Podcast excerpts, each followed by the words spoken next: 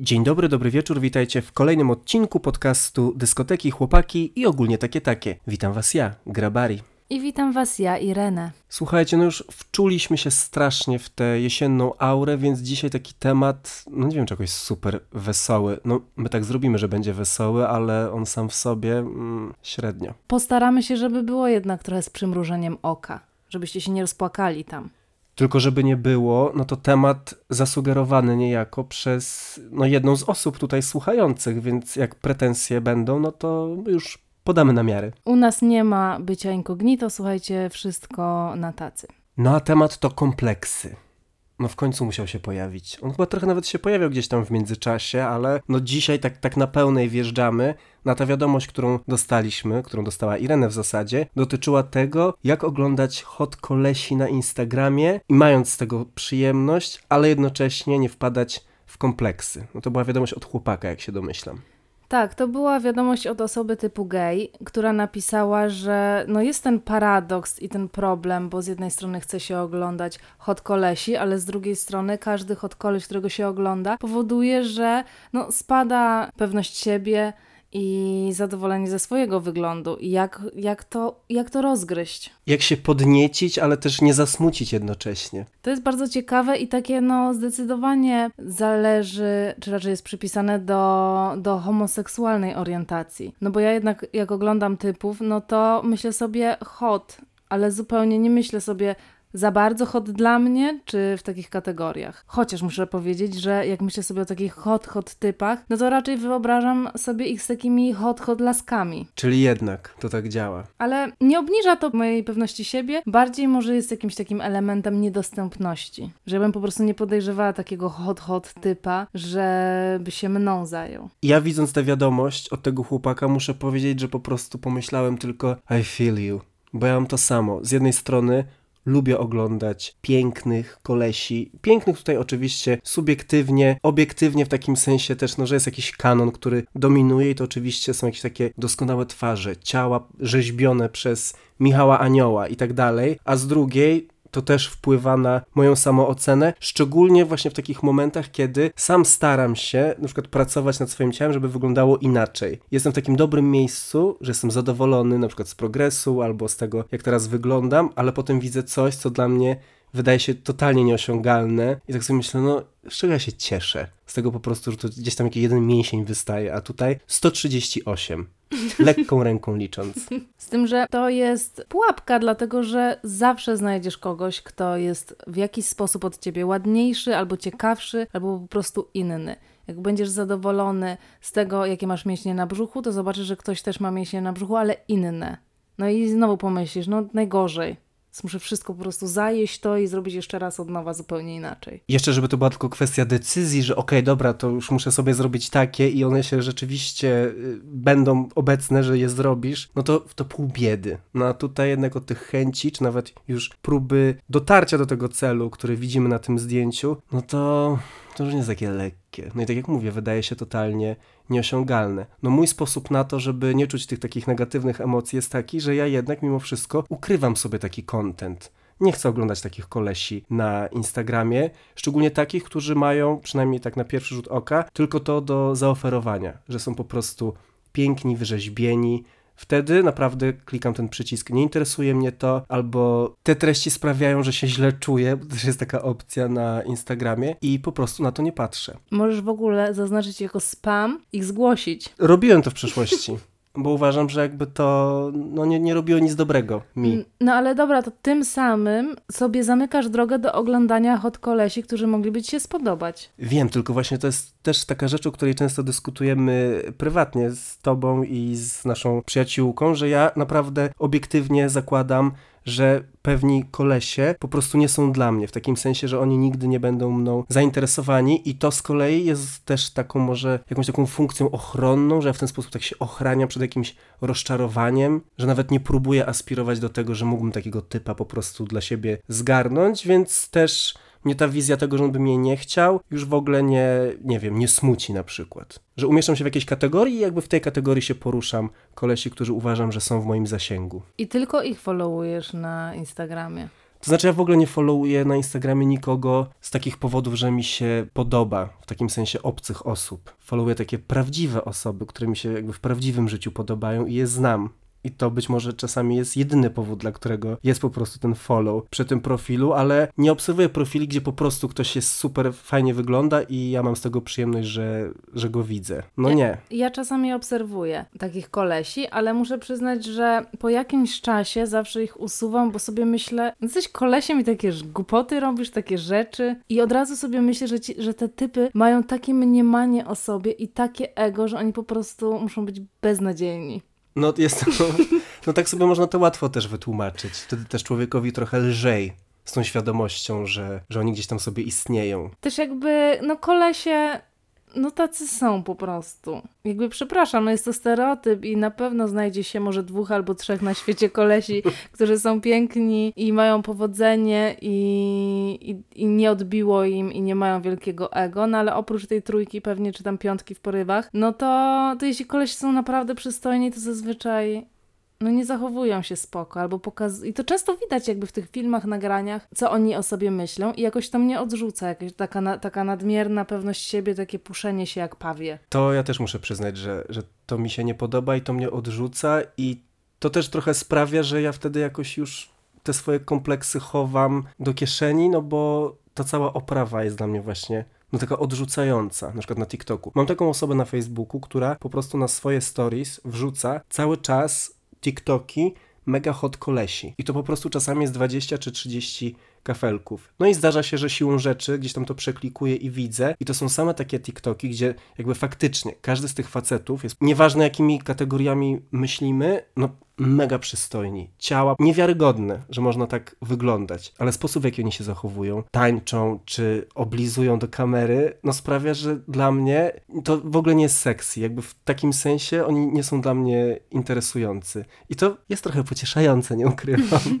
że jednak nie mają wszystkiego w moich oczach. Mnie to też trochę bawi, jak myślę o tym, ile razy ktoś musiał zrobić te próby i wiesz, tak odgarnąć grzywkę, zachęcająco, uwodząco, uśmiechnąć się tak trochę szelmowsko, ale właśnie taki niegrzeczny chłopak, jakby ile było powtórzeń. No tak, tylko to wszystko, te wszystkie refleksje też trochę wychodzą, przynajmniej w moim przypadku, no z pozycji osoby jednak zazdrosnej. Bo gdybym nie był zazdrosny, to nie szukałbym jakichś ubytków u tych typów, które sprawiają, że ja się czuję lepiej. No bo ja się czuję lepiej z tym, jak sobie pomyślę, że jest taki ktoś, tak wygląda, no ale wygląda na głupawego albo właśnie robi jakieś takie żenujące rzeczy, które wprawiają mnie w jakieś takie zawstydzenie czy zakłopotanie dla niego. No to wiesz, bo gdyby był super przystojny, super inteligentny i jeszcze nie musiał z siebie robić pajaca w sieci, no to czułbym się z tym nieswojo. Teraz pomyślałam o tym, że na mnie negatywny wpływ mają profile dziewczyn, które są takie idealne, które widzę, że mają super ciała, fajnie wyglądają, są bogate, jeszcze do tego niezależne w taki sposób właśnie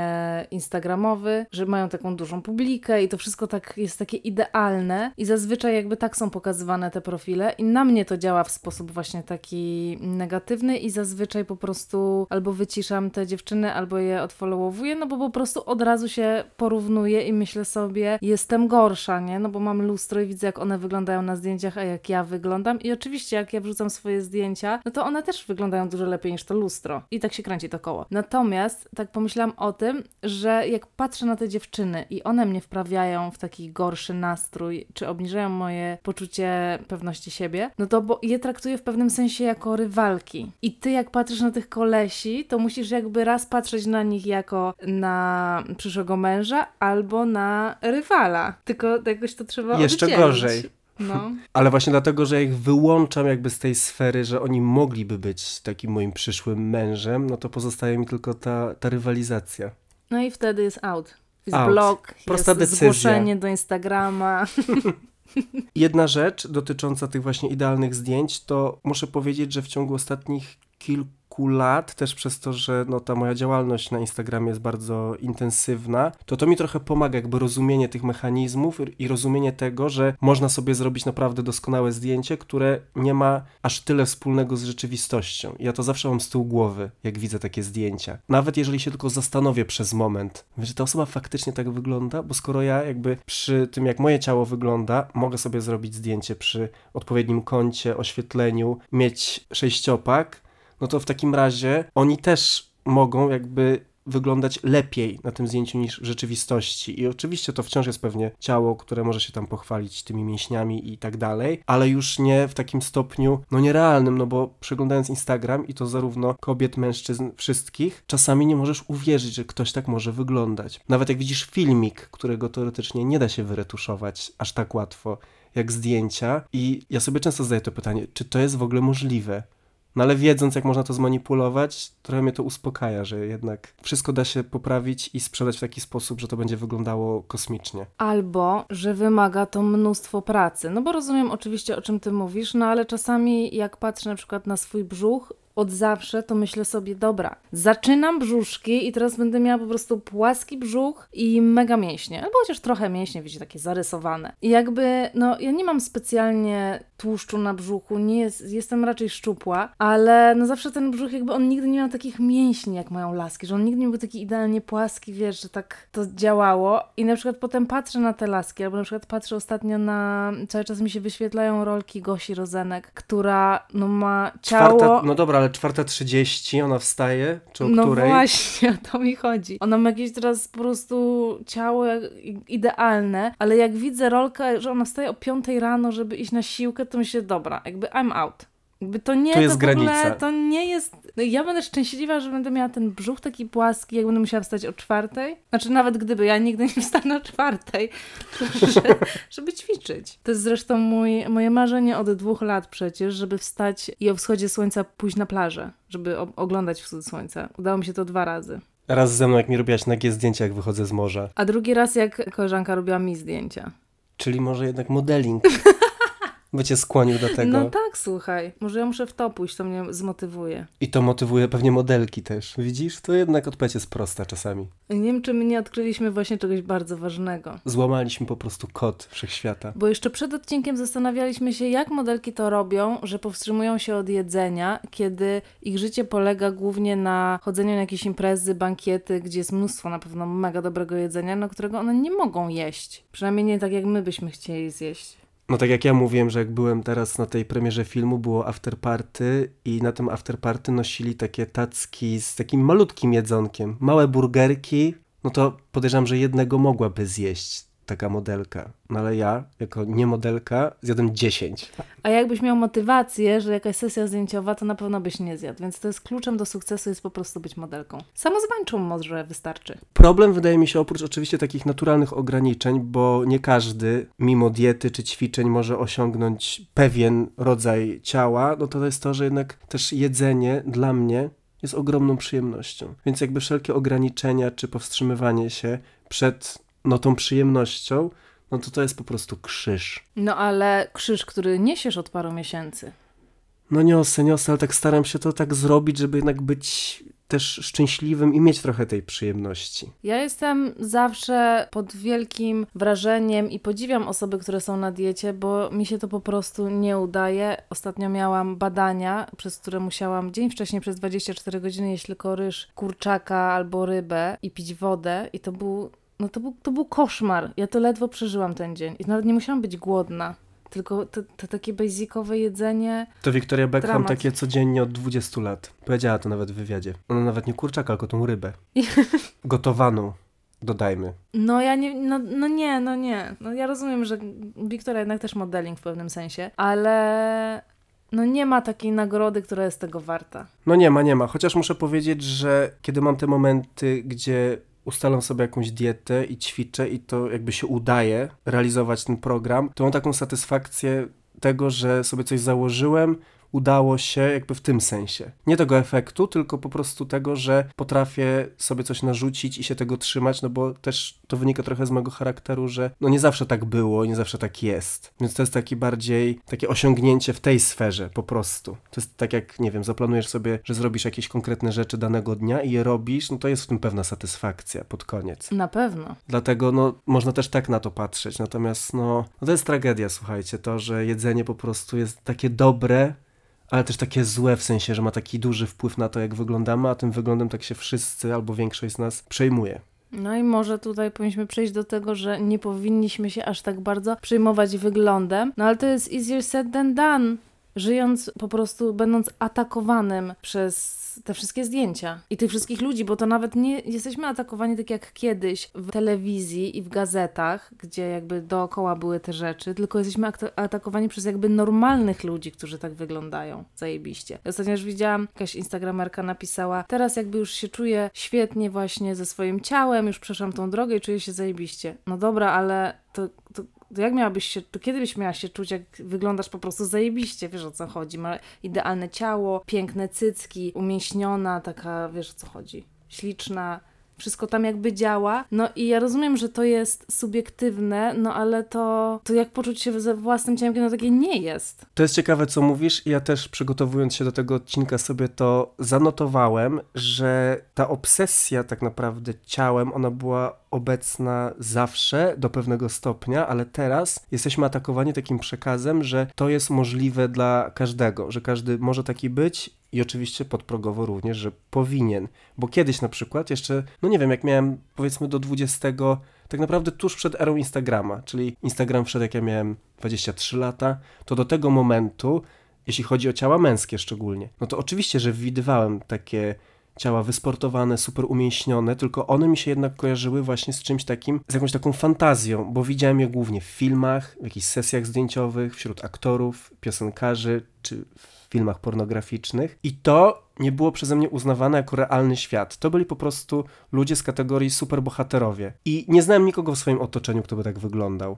I też przez to nigdy nie zwracałem tak naprawdę na to uwagi. W sensie oglądanie takich rzeczy przeze mnie w filmach, magazynach nie wpływało na to, że ja oczekiwałem, że takie ciała będę widział w swoim życiu. Nie mogę sobie przypomnieć ze swoich właśnie takich pierwszych lat randkowania czy związków, żebym w ogóle pomyślał cokolwiek o ciele osób, które widziałem, czy z którymi sypiałem, jak się rozbierały. Nie mogę sobie tego nawet przypomnieć, jak one wyglądały tak naprawdę wtedy bo to nie było w jakimś centrum moich zainteresowań. No to się zmieniło właśnie z mediami społecznościowymi, że nagle te super ciała filmowe okazały się być w zasięgu ręki, coraz więcej osób je ma i tak czujesz, że też mogę mieć, muszę, jakby o co chodzi. I nie mam, więc oczywiście czujesz się gorzej przez to. Dla mnie to jest szczególnie takie intensywne, kiedy mam jakiś taki gorszy psychicznie czas, bo normalnie, zresztą obydwoje mamy raczej wysokie mniemanie na temat... Za wysokie niektórzy by powiedzieli.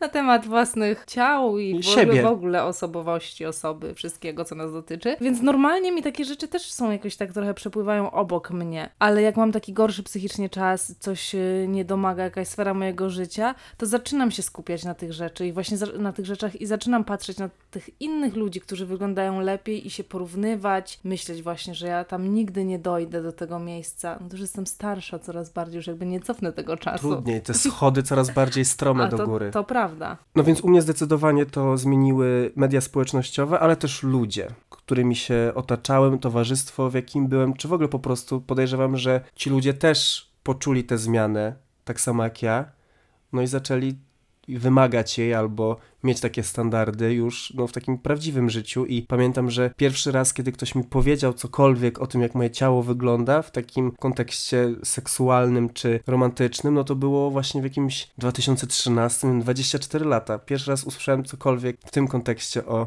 swoim ciele i to było właśnie takiego chłopaka, z którym się powiedzmy umawiałem i on coś właśnie powiedział a propos mojego brzucha, że mam trochę oponkę czy coś w tym stylu. A ja do tego momentu byłem i też tak uważałem, że jestem mega chudy. No ale nie miałem sześciopaka, tam pewnie jakaś oponka się robiła, jak siadałem na przykład, czy leżałem. No ale to też jest naturalne, no jakby... No okazuje się, że nie. I to naprawdę mnie tak uderzyło, że po prostu ja za dwa tygodnie karnet już miałem do siłowni. Też jak muszę się przyznać, jak cię shamingowaliśmy, A to było później. Wiecie, była taka sytuacja, jak po prostu z seksu w Wielkim Mieście, jak Samantha przyjechała do, w którymś z filmów, W pierwszym. w pierwszym, z taką minimalną oponkę, oponką i te wszystkie laski zareagowały tak, o mój Boże, jaka Tak. gruba. Jak on by tam miał po prostu, nie wiem, minimum z 10 kilo więcej na liczniku, a to tak, no, tam nawet nie było tej oponki, tak, Tak. szczerze mówiąc. Ona się jakoś tak musiała chyba zgiąć. My mieliśmy jakiś taki reunion we Wrocławiu i Grabari przyjechał i się tak, czy próbowałeś ubrać spodnie czyjeś? Tak, naszego przyjaciela, bo zawsze taka wizyta kończyła się z tym, że on mi przekazywał swoje ubrania. Bo do pewnego momentu mieliśmy ten sam rozmiar, ale jak się okazało, w Warszawce mi się powodziło za dobrze. Tak, i Grabari się nie mógł zapiąć i my wszyscy po prostu w szoku i mówimy, Jezu, Grabari, jak ty wyglądasz! Zbiorowy po prostu fat shaming. tak było? Ale to też jest. Ale to też jest inna różnica, bo to wtedy ja w ogóle tego tak nie odebrałem. Ani mi się nie zrobiło przykro, to było dla mnie po prostu zabawna, zabawna sytuacja, taka wręcz komediowa. To, że ja w tam kładłem się na podłodze, żeby je założyć, to, to się nie udawało. Natomiast, no, No ale przepraszam, po dwóch miesiącach ty już miałeś, już dawno było bye bye oponka. no bo słuchaj, ja teraz timeline to jest bardzo ważny. Ten koleś powiedział mi to jakoś w wakacje, to w jakiś lipiec, powiedzmy. Ja wtedy ten karnet sobie na siłownię założyłem, a na nią nie poszedłem nigdy. A ta sytuacja była jakoś tak na przełomie roku. To był Tak, jakiś taki jakiś- grudzień czy coś w mhm. tym stylu. Więc mówię, dobra, już jest ten karnet, tutaj już jakieś alarmy przyjacielskie, no to, to idę. Albo też byłem, czekaj, czy ja nie byłem na treningu z Ewą Chodakowską? Był taki otwarty trening dla dziennikarzy i poszliśmy tam z moim przyjacielem, też dziennikarzem i no tam już karetka stała po nas tak naprawdę. Bo najpierw były ćwiczenia z nią, potem była jakaś zumba z jej mężem i ja sobie tak myślałem, no dobra, prawie zszedłem, ale w sumie było fajnie, podobało mi się to. I, i nawet potem jej powiedziałem na jakimś kolejnym wywiadzie, mówię, Ewa, zainspirowałaś mnie do tego, żeby iść na siłownię. I ona, Piotr, mówi, widzisz, tak to działa. Wzajemnie się inspirujemy. No i, i tak o. No i stąd Ewa jest tak bardzo successful. No ale wracając do tego, no to w sumie to ta dygresja już była taka długa, że nie wiem na którym etapie skończyliśmy. No, generalnie chodzi o to, że często się tak zdarza, że te porównania czy myślenie o swoim ciele bierze się po prostu nie tylko z tego, co my widzimy i obserwujemy, ale też z komentarzy ludzi. I tak jak ten koleś pierwszy raz skomentował tak negatywnie, no to ogólnie wcześniej miałem z tym styczność najpierw od jakby rodziców, którzy mi mówili, że jestem chudy, za chudy i używali porównań, których no, w obecnym klimacie poprawności politycznej nie, absolutnie nie mogę przytoczyć. Jak chudy jestem. A później mój pierwszy chłopak też to komentował, że jestem szczupły, tylko u niego to wynikało trochę z takiej zazdrości i własnego niezadowolenia z tego, jak on wygląda, bo on był z kolei tą osobą, która była szczupła, ale z jakiegoś powodu uważała, że ma, nie wiem, grube uda, czy właśnie jakiś brzuch za duży, co absolutnie nie było prawdą. To był ten taki koleś, który się wiecznie odchudza i wiecznie dąży do tego, żeby być po prostu szczuplejszym. Więc on to komentował, ale jakoś tak, no nie wiem, nie działało to na moją wyobraźnię. No ale potem jak się zaczęło single life i randkowanie, no to no już niestety chodzisz na tego grindra, widzisz, co ludzie piszą na przykład. Lubię umięśnionych, lubię lubi? takich. I wiesz, ja tak sobie myślę, no to mnie nie lubisz. Moi chłopacy mi często mówili, że, że mam brzuszek, którego nie powinna mieć. Co uważam, że oczywiście za skandaliczne, bo po pierwsze nie mam, znaczy może malutki, a po drugie no taka piękna dziewczyna im się trafiła, oni jeszcze śmieją po prostu jakieś tu mieć wyrzuty. No i co oni, co oni mówili? Tak, nie powinnaś mieć brzucha. To co to jest za komunikat?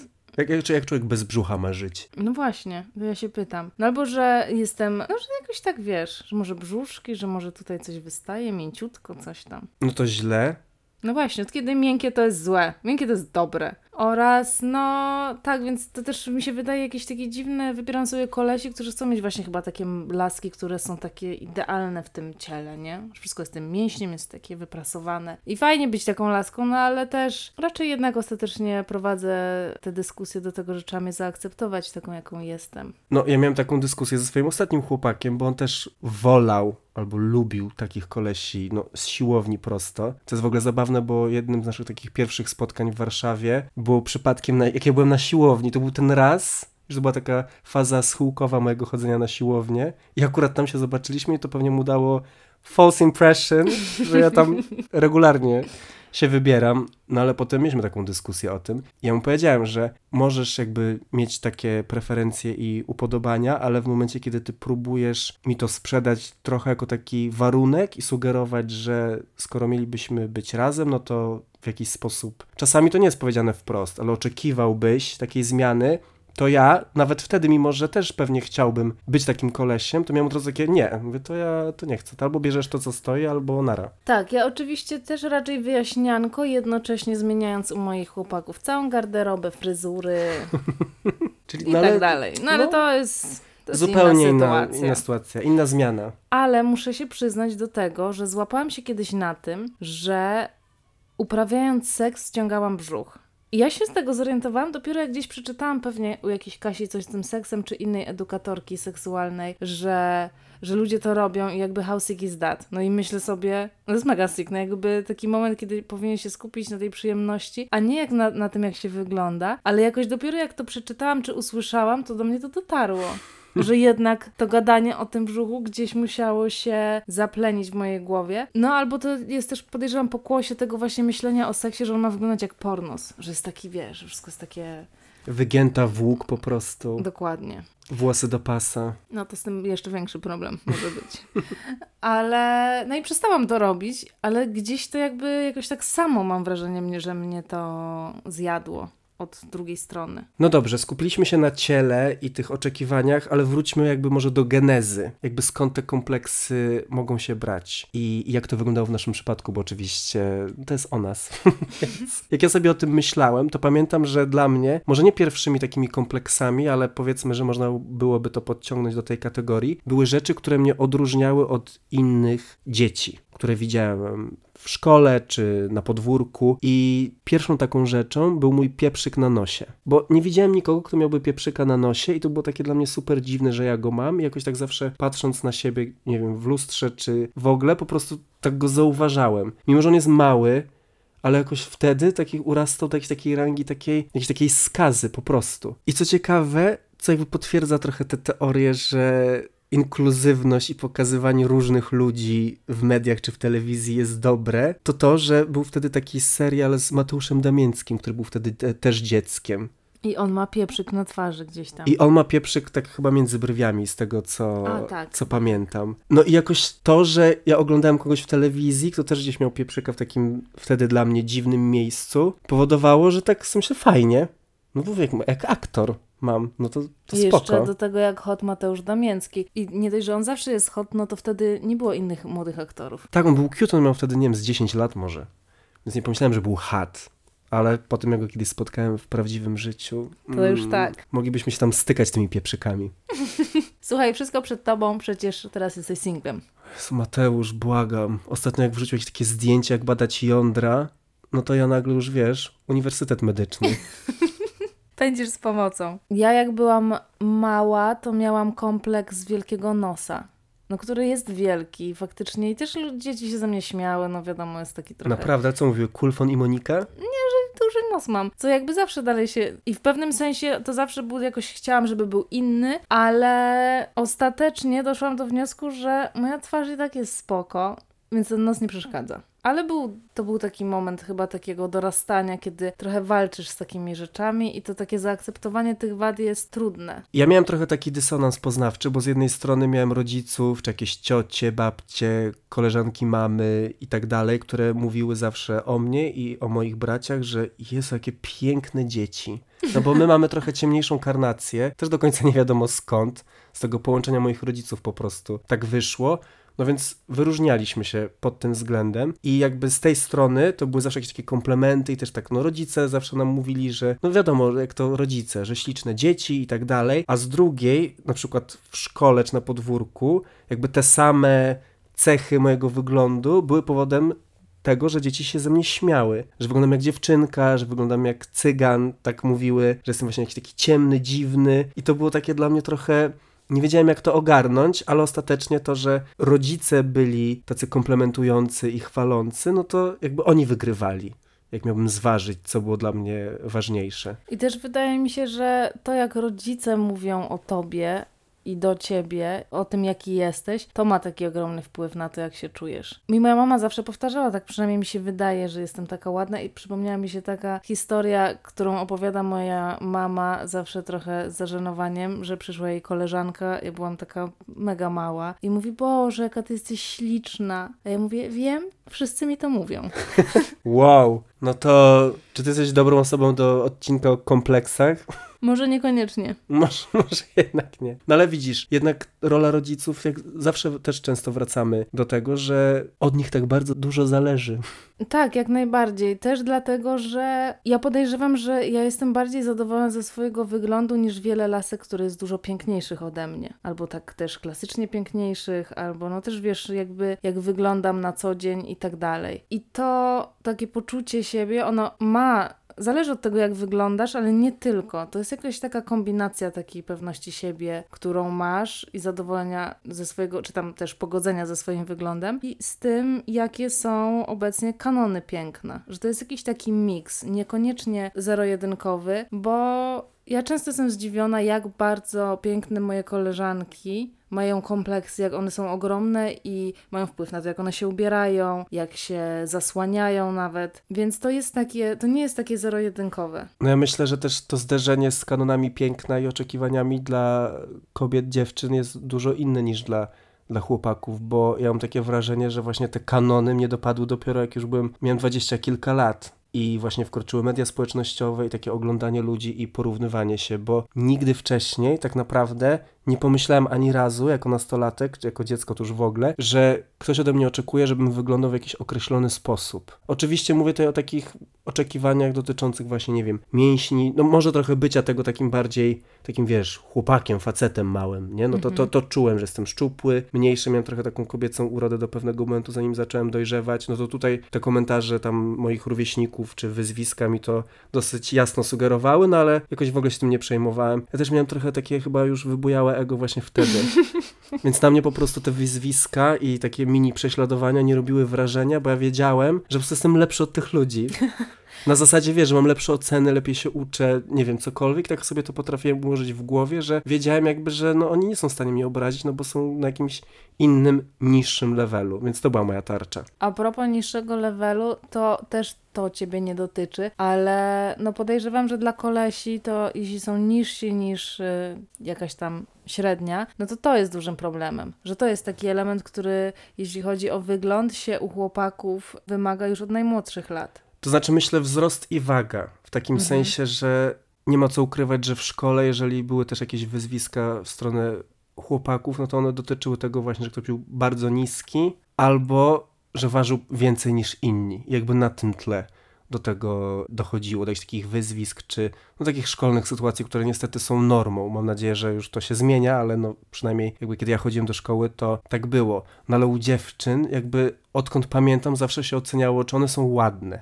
Potem jakby jaki mają biust, jak już zaczęły się te okresy dojrzewania i ubierania takiego bardziej powiedzmy, no i sobie powiedzieć sexy, no ale jakby no wiadomo tak, o co jakby chodzi. też jak się jest dziewczyną i widzisz, że inne laski już mają staniki i mają już jakiś biust, a ty nie masz, tak było w mojej sytuacji, no to jest stresujące i tak się po prostu na to czeka. Ja też bardzo długo byłam taka płaska. I no to było bardzo trudne. No z tym, że trochę się zmieniło, no nie jakoś bardzo, ale to też jakby przyszło z wiekiem. Zresztą jak się z młodszym, to mam wrażenie, że to są bardzo dużo trudniejsze sytuacje i dużo trudniej sobie z nimi poradzić. No ale teraz, czy został ci jakiś kompleks? Nie, nie mam żadnych kompleksów, tak naprawdę. Jakbym tak się szczerze nad tym zastanowił, to nie, bo bardzo mi pomogło to, żeby się skupiać na rzeczach, które lubię w sobie i sobie wybierać takie rzeczy, z których jestem zadowolony i skupiać się na nich tak sam, jak na siebie patrzę, ale też na przykład jak się ubieram. Na przykład lubię bardzo swoje nogi, uważam, że są super zgrabne, może nawet zbyt zgrabne jak na kolesia w takim tradycyjnym sensie, ale grałem w piłkę jako dzieciak i trochę mi te łydki zostały, tak no fajna ta noga jest, lubię krótkie spodenki i na tym się skupiam, a na przykład nie na tym, że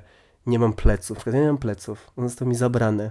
W procesie po prostu dojrzewania i rozrostu mięśni moje plecy zostały pominięte. Klata, jakby wszystko. Jak, jak ważę tak jak teraz, no to tam, tam nic nie ma. Ale nie skupiam się na tym. Skupiam się na tym, że właśnie podobają mi się moje nogi, lubię swój tyłek i nie wiem co jeszcze. Oczy. No i w zasadzie tyle tak naprawdę. Czyli niedużo, trzy rzeczy, ale one mnie jakby super powodują, że się fajnie ze sobą czuję. A tak to no nie wiem, mam, okej, mam kompleks, zęby na przykład. Mam krzywe zęby, próbowałem coś tam z nimi robić, ale udało się powiedzmy w jakiejś tam tylko części je poprawić i, i to był mój kompleks, ale on jakby zniknął. Ale był duży, no bo ja się nie uśmiechałem do pewnego momentu, na przykład do zdjęć, do nie wiem którego roku życia, dwudziestego któregoś, bo po prostu nie lubiłem swoich zębów. Też jest taka kwestia, że jak mi wyrastały te takie zęby, jak to się mówi, stałe, Mhm. to mi wyrosła trójka na miejscu dwójki, a na miejscu trójki nic. Więc miałem taką szparę. Mhm. Potem jeszcze miałem ukruszonego zęba, bo gdzieś tam się wypierdoliłem, jak byłem dzieckiem. I no generalnie nie wyglądało to najlepiej, ale też jakby w ogóle na to nie zwracałem uwagi do pewnego momentu, ale później, jak już zaczęły się te właśnie pierwsze fotoblogi, fotka.pl, to pamiętam to jak dziś. Poszedłem na sesję z tą swoją taką pewnością siebie nastolatka, bo byłem jakby pewny siebie i jakby lubiłem swój wygląd. Zrobić z nią te zdjęcia, gdzieś z jakimś, wiesz, starym magazynem w jakichś krzokach po prostu. I ona potem mi je wysłała i ja zobaczyłem na tych zdjęciach właśnie, gdzie tam na niektórych się uśmiechałem, że no tam po prostu by, wiesz, dwa pociągi wjechały i że tak jakoś no instynktownie po prostu, że to nie fajnie wygląda, że jestem jakiś taki trochę szczerbaty. No więc o tym trochę myślałem i pamiętam nawet jak pojechałem na pierwszy wyjazd ze swoim przyszłym, jak się okazało, chłopakiem, to miałem wtedy ile? 18 lat, to szedłem z nim po tej stronie, żeby być dla niego tą stroną, gdzie mam wszystkie zęby. Więc to na pewno było moim kompleksem, ale później, rok później czy dwa lata później, jak okazało się, że czeka mnie taki debiut trochę w roli prowadzącego program internetowy, no to postanowiłem, że jakby muszę to naprawić, bo będę się czuł bardzo niekomfortowo i no może się tak zdarzyć, że kamera będzie z tej strony, z której ja nie chcę i co wtedy? Że to mi jakoś, wiesz, sprawi, że będę zdenerwowany i niezadowolony. No i tam stawiłem sobie, wiecie, koronkę, mostek, coś tam, więc porcelana tutaj lśni. I no, ale i tak to gdzieś mi tak zostało w głowie, że z tamtego czasu, jak oglądam zdjęcia, to na jednym, może na dwóch po prostu z dziesiątek fotek się uśmiecham. I to zmieniła randka z takim totalnie przypadkowym kolesiem w KFC, który mi powiedział, że mam piękny uśmiech. I to po prostu jakoś. Nikt mi tego nikt nie powiedział wcześniej, nigdy. To jest takie ciekawe, że wystarczy jedno zdanie od czasami bardzo randomowej osoby i nagle po prostu wszystko się zmienia w głowie.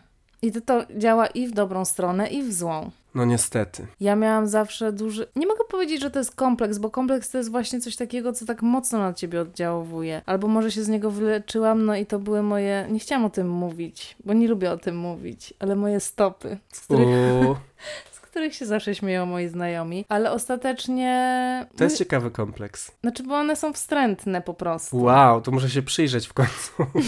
No może nie są, nie wiem, jakby nawet nie chcę o tym mówić, bo jeśli nawet nie są takie, to zawsze są z nimi jakieś problemy, ja mam zawsze obtarte te nogi od wszystkich butów, to jest zawsze jakiś ja tak koszmar. samo. I no ale ostatecznie mój chłopak pokochał moje stopy i przez, on przez półtora roku chyba, nie dłużej nawet, on się w ogóle nie zczaił o co chodzi. Bo jakby ja mu wiedziałam, on się mnie chyba pytał jakiś kompleks czy coś tam i ja mu powiedziałam, że jest jedna rzecz, ale mu o niej nie powiem, bo dopóki się nie skapnie, to jakby No, to dobra taktyka, ciekawa. i pamiętam, że kiedyś byliśmy nad jeziorem na rowerach wodnych i ja miałam, miałam gdzieś te syry tak wystawione i on nagle się tak patrzy i mówi co to jest? Co to za stupiec? No i wyszło szydło z worka, ale nigdy mi nie dał odczuć, żeby coś było z nimi nie tak. No i są, no są jakie są, już się do nich przyzwyczaiłam. Aczkolwiek teraz, od kiedy się starzeję, to zmarszczki na mojej twarzy i na mojej szyi zaczynają być dla mnie problematyczne. O starzeniu się to naprawdę oddzielny odcinek, ja nie jestem gotowy na tę rozmowę. Nie mam mojego konsentu na starzenie się, ja jej nie przyjmuję. Dlatego jak widzicie moje zdjęcia na Instagramie, gdzie podejrzanie młodo wyglądam, jestem zbyt wygładzony, to to jest właśnie efekt brak mojej zgody na to, że się starzeję. No i okej, no to jest jakaś walka z kompleksami. No na pewno. Ale a propos twoich stóp i tego, no, że są, to polecam ci inspirujący cytat Anny Lewandowskiej, która na konferencji prasowej kiedyś pianki do golenia nóg albo maszynek do golenia Gillette powiedziała moje nogi są dla mnie ważne, bo na nich idę przez życie. No i proszę bardzo. To jest genialne. No proste, ale sama Tak. prawda. Sama prawda. Ania, nasza nowa sąsiadka. Ania mi się dzisiaj śniła. O wow, Byliśmy koleżankami. to może wiesz, ze snu do rzeczywistości krótka droga. I słuchaj, to jest jeszcze w ogóle pogmatwane, bo śniło mi się, że była też przyjaciółką z naszą przyjaciółką, która akurat jest w Paryżu, tam gdzie jest właśnie Ania, więc ja nie wiem, czy gwiazdy nie chcą czegoś powiedzieć. Tylko jeszcze nie wiem czego. Zaraz będzie, wiesz, Healthy Plan by Irene. No i będziesz o czwartej rano wstawała na, na tych obozach. Nie. zupy z kasztanów i heja. No dobrze, ale jak już jesteśmy przy końcu, to wypadałoby może jakiś taki, jakąś taką porady na to, jak przeżyć wśród tych idealnych ciał i się nie załamać. Moja rada jest taka, a w zasadzie dwie. Czyli pierwsza, dotycząca jakby nas samych, to spróbować chociaż trochę być dla siebie wyrozumiałym i znaleźć coś, co w sobie lubimy, bo myślę, i tak chciałbym też wierzyć w to, że każdy z nas może znaleźć coś takiego w sobie, nawet jeżeli to jest taka mała rzecz. To jest też bardzo ciekawe, bo często takie pytanie pada przy okazjach takich zupełnie, no niezwiązanych z mówieniem o kompleksach. Ktoś kogoś pyta, co lubisz w sobie najbardziej? I czasami ludzie odpowiadają w taki sposób, który może się wydawać zaskakujący, bo na przykład ktoś mówi, lubię swoje dłonie albo lubię swoje uszy, a raczej oczekiwalibyśmy powiedzenia czegoś dotyczącego, nie wiem, właśnie ciała, twarzy. I myślę, że to jest dobry sposób, żeby się po prostu tak nie, nie zamęczać tym. Jeżeli mamy jakiś taki kompleks, który nam naprawdę bardzo przeszkadza i rujnuje samoocenę, to ja też nie jestem osobą, która powie, zaakceptuj siebie, jakby pokochaj. Jeżeli jest opcja na to, żeby chociaż spróbować to w jakiś sposób zmienić, co nam poprawi samopoczucie, no to można taką próbę podjąć. Czy to ćwiczeniami, czy na przykład, no znam osoby, które też miały kompleks dużego nosa, no i ostatecznie doprowadziło je to do tego, że zdecydowały się na korektę. No i są teraz super zadowolone, jak ręką odjął. Tak, zdecydowanie. Jeśli są takie rzeczy, które wiesz, że są dla ciebie problemem i najłatwiej go zoperować czy jakoś poprawić, no to wszystko jest dla ludzi. Tutaj jest chyba taka sytuacja, w której trzeba uważać między na tym, co ci przeszkadza, zawsze ci przeszkadzało, a na takim dążeniu do ideału, bo nigdy nie dążymy do, nie, nie zdobędziemy tego ideału, zawsze coś trzeba będzie albo można będzie poprawić, więc, ale to są dwie różne rzeczy tak naprawdę, bo cały czas zmienianie siebie, ust, nosa, powiek, uszu, to jest coś innego niż poprawienie czegoś, co, co uprzykrza nam życie. I mam wrażenie, że jest tak naprawdę po prostu lepsze dla nas w tym sensie. To też jest cienka granica między tym, jak to ocenić, i też wydaje mi się, że w przypadku ingerencji w postaci właśnie jakichś zabiegów, trzeba mieć dużo szczęścia, żeby trafić na takiego specjalistę, który faktycznie oceni, na ile jakby to jest jakaś taka naprawdę już fanaberia, a na ile to też może nam pomóc na takim tle, no psychicznym po prostu. No bo ja naprawdę znam takie przypadki ludzi, którzy bardzo ciężko znosili ten nos jakoś. Naj, najczęściej to faktycznie był nos, no bo też prawda jest taka, że nos jakby zmienia całą twarz. W sensie, w zależności jak on wygląda, tak ta twarz wygląda i to przyniosło dobre efekty.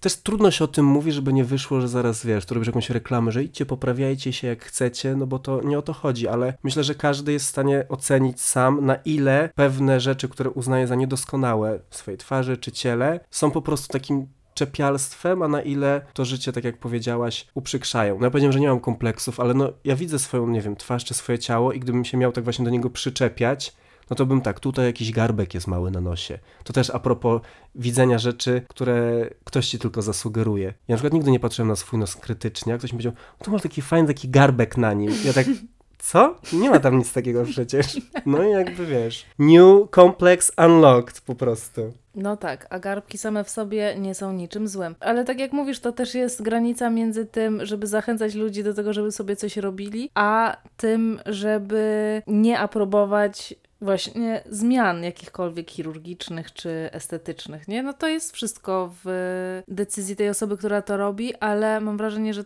to po prostu, no myślenie o tym, gdzie jest ta granica dla każdej osoby jest ważne, żeby po prostu nie popaść w, ten, w, to, w te sidła i w ten taki krąg nieko, niekończącego się poprawiania. I jakby ja się zgadzam ze wszystkim, co powiedziałeś i też myślę, że jeśli są takie miejsca, strony i profile, które sprawiają, że się czujesz gorzej, to trzeba je po prostu usunąć, bo na co to? Na co to, komu, po co to?